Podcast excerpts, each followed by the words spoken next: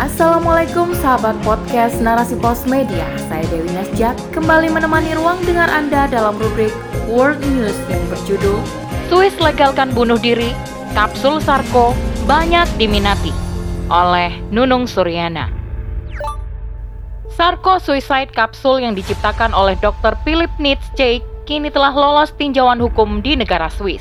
Mesin kapsul ini sengaja dirancang untuk orang yang ingin bunuh diri secara instan tanpa rasa sakit. Mesin ini bisa dioperasikan oleh pengguna yang ada di dalamnya. Miris sekali. Bunuh diri kini menjadi legal di negeri itu dan dijadikan ladang bisnis oleh sebagian oknum. Selengkapnya, tetap di podcast Narasi Pos Media. Narasi Pos, cerdas dalam literasi media, bijak menangkap peristiwa kunci. Apa yang ada dalam benak kita ketika mendengar kata bunuh diri? Ya, bunuh diri adalah upaya seseorang untuk menghilangkan nyawa sendiri. Disebabkan banyaknya faktor yang sulit dihadapi hingga tidak menuai solusi. Orang dengan pikirannya yang sempit akan mengambil jalan pintas dengan sengaja mengakhiri hidupnya sendiri dengan berbagai jalan pilihan. Di zaman modern ini, banyak sekali masalah-masalah yang timbul dalam diri seseorang baik masalah sepele maupun yang berat sekali. Walaupun zaman dulu ada yang melakukan tindakan bunuh diri, namun tidak sebanyak zaman sekarang. Tuntutan pekerjaan yang tinggi, masalah dengan keluarga, ekonomi, masalah remaja yang harus putus cinta, sampai pada orang-orang yang kena bullying di media sosial hingga depresi, turut mengambil langkah untuk mengakhiri hidupnya. Hal ini mengakibatkan tingkat bunuh diri semakin tinggi di negara maju sekalipun, tingkat bunuh diri lebih tinggi. Sebut saja Korea Selatan misalnya. Tingkat bunuh diri di negara itu membawa negaranya berada di posisi puncak. Menurut riset, penyebab utama mereka bunuh diri di Korea karena depresi, tekanan bullying yang sangat tinggi, baik media sosial maupun dunia nyata, menjadi penyebab utama banyaknya kasus bunuh diri di negeri gingseng tersebut. Ada juga Jepang, yang menduduki peringkat kedua dengan tingkat bunuh diri terbanyak. Umumnya rakyat Jepang melakukan bunuh diri karena faktor tuntutan pekerjaan yang sempurna mengharuskan mereka bekerja keras. Nyaris tidak diberikan jam istirahat yang mumpuni. Walaupun bunuh diri menjadi hal yang dilarang di berbagai negara dan menjadi tugas pemerintah untuk mencegah, namun nyatanya ada satu negara yang sejak tahun 1942 melegalkan tindakan bunuh diri, tepatnya di Swiss. Terbukti dari banyaknya kasus-kasus bunuh diri yang selalu tinggi tiap tahunnya di negara itu. Karena adanya pelegalan itu, hal ini dimanfaatkan oleh sebagian oknum untuk mencari keuntungan. Diketahui, negara Swiss memiliki beberapa organisasi atau perusahaan yang memfasilitasi para calon pelaku bunuh diri.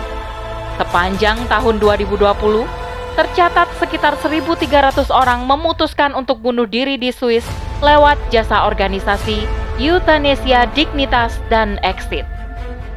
Kedua perusahaan itu menggunakan obat barbiturat cair yang dapat dicerna dan menyebabkan koma selama lima menit hingga meninggal dunia.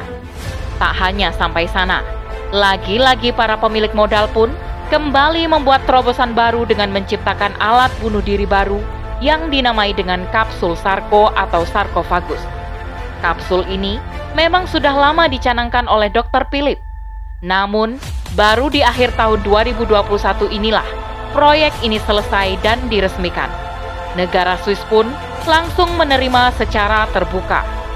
Dilansir dari pikiranrakyat.com, mesin dari laman independen pada Rabu 7 Desember 2021, Sarko Suicide Capsule yang diciptakan oleh Dr. Philip kini telah lolos tinjauan hukum di negara Swiss. Mesin kapsul ini sengaja dirancang untuk orang yang ingin bunuh diri secara instan tanpa rasa sakit. Mesin ini bisa dioperasikan oleh pengguna yang ada di dalamnya. Kecanggihan lainnya dari mesin ini, selain dengan sentuhan jari, mesin ini bisa berjalan hanya dengan kedipan mata. Jadi, pengguna tidak lagi repot menekan tombol seperti mesin pada umumnya. Mesin Sarko ini bekerja dengan cara mengurangi tingkat oksigen di dalam kapsul hingga dibawa di titik kritis. Proses kematian akan terjadi dalam waktu satu menit. di mana seseorang yang ada di dalam mesin akan mengalami hipoksia dan hipokapnia. Selain itu, mesin ini juga berfungsi sebagai peti mati. Miris sekali. Bunuh diri kini menjadi legal dan dijadikan ladang bisnis oleh sebagian oknum. Bukan tanpa alasan, mesin ini diciptakan tentunya untuk menarik keuntungan dari pelaku yang menginginkan jasa mesin kapsul ini. Mesin ini tidak mungkin ditawarkan secara gratis. Meski mesin ini sudah diakui secara hukum, namun gelombang protes muncul dari berbagai pihak. Salah satunya pimpinan keagamaan. Pemuka agama Westerkirk dengan tegas tidak akan pernah mendukung orang yang menawarkan kapsul bunuh diri ini. Namun, hal ini tentu saja sudah tidak bisa dihindari.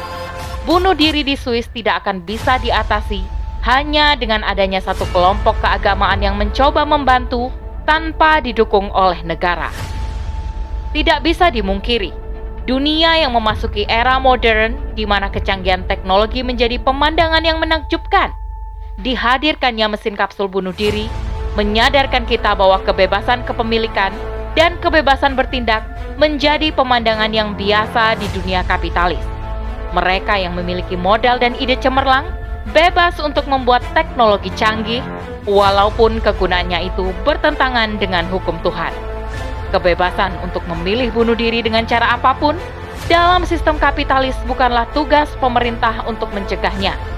Di negara maju, Bunuh diri merupakan pilihan setiap orang dan masuk dalam kebebasan individu. Hal inilah yang mendorong mereka untuk terus menciptakan teknologi-teknologi baru untuk memfasilitasi orang-orang untuk melakukan hal-hal yang seharusnya diharamkan oleh agama demi menarik keuntungan. Tidak adanya peran negara menjadikan hal-hal yang semestinya tidak boleh dilakukan malah menjadi hal yang biasa untuk dilakukan. Dalam sistem kapitalis, Kemaksiatan pribadi adalah hak individu dan sudah jelas diatur dalam undang-undang.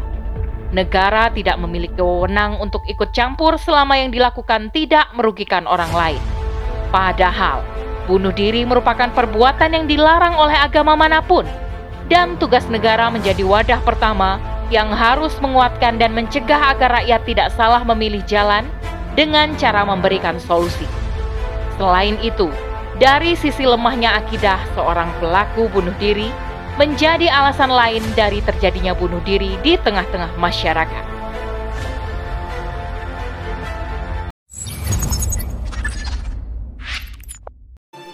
Islam jelas melarang dan mengharamkan perbuatan bunuh diri. Siapa yang membunuh dirinya dengan senjata tajam, maka senjata itu akan diberikan di tangannya kemudian dia ditusuk perutnya di neraka jahanam kekal selamanya. Hadis riwayat Bukhari nomor 5778 dan hadis Muslim nomor 109. Sedangkan dalam daulah, sebisa mungkin negara menjadi pencegah pertama terjadinya bunuh diri. Negara akan melakukan penelusuran masalah yang tengah dihadapi oleh calon pelaku bunuh diri dengan cara memberikan solusi, memastikan bahwa pelaku merasa aman dan diperhatikan. Selain itu, negara akan memfasilitasi masyarakat dengan mendirikan pendidikan Islam untuk menanamkan akidah dan karakter anak yang berjiwa Islami. Tidak menutup kemungkinan, negara juga akan menyediakan layanan psikologi gratis sebagai bentuk dari upaya negara menghindari adanya umat yang depresi akibat diterpa masalah berat. Tidak hanya negara, pengontrolan juga menjadi tugas masyarakat untuk ikut membantu negara dalam mencegah tindakan bunuh diri. Wallahu a'lam bishawab. Demikian rubrik World News kali ini. Sampai bertemu di rubrik World News selanjutnya. Saya Dewi Nasyak undur diri. Afu minkum wassalamualaikum warahmatullahi wabarakatuh.